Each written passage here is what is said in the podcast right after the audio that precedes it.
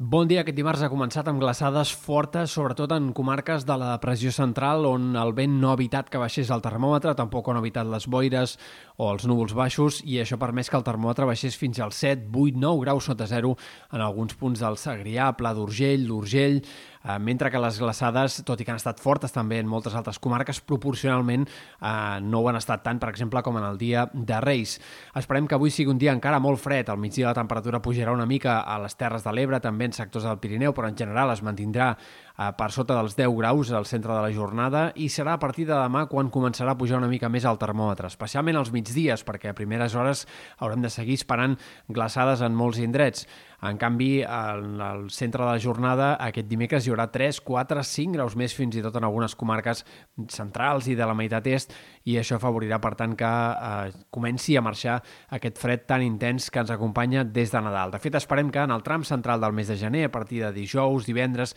durant el cap de setmana, les temperatures siguin ja no tan baixes, que ens mantinguem en un ambient més normal eh, d'hivern i que, per tant, s'acabi aquesta fredurada eh, tan important i tan llarga, sobretot, que hem tingut eh, des de pràcticament el dia de Nadal i Sant Esteve. Pel que fa a l'estat del cel, esperem avui un dia predominat pel sol, algunes boires que persistiran encara fins a mig matí migdia a la Catalunya central i al nord de la depressió central. Aquestes boires aniran a més els pròxims dies a la depressió central, però en canvi no s'estendran, sembla, per més indrets,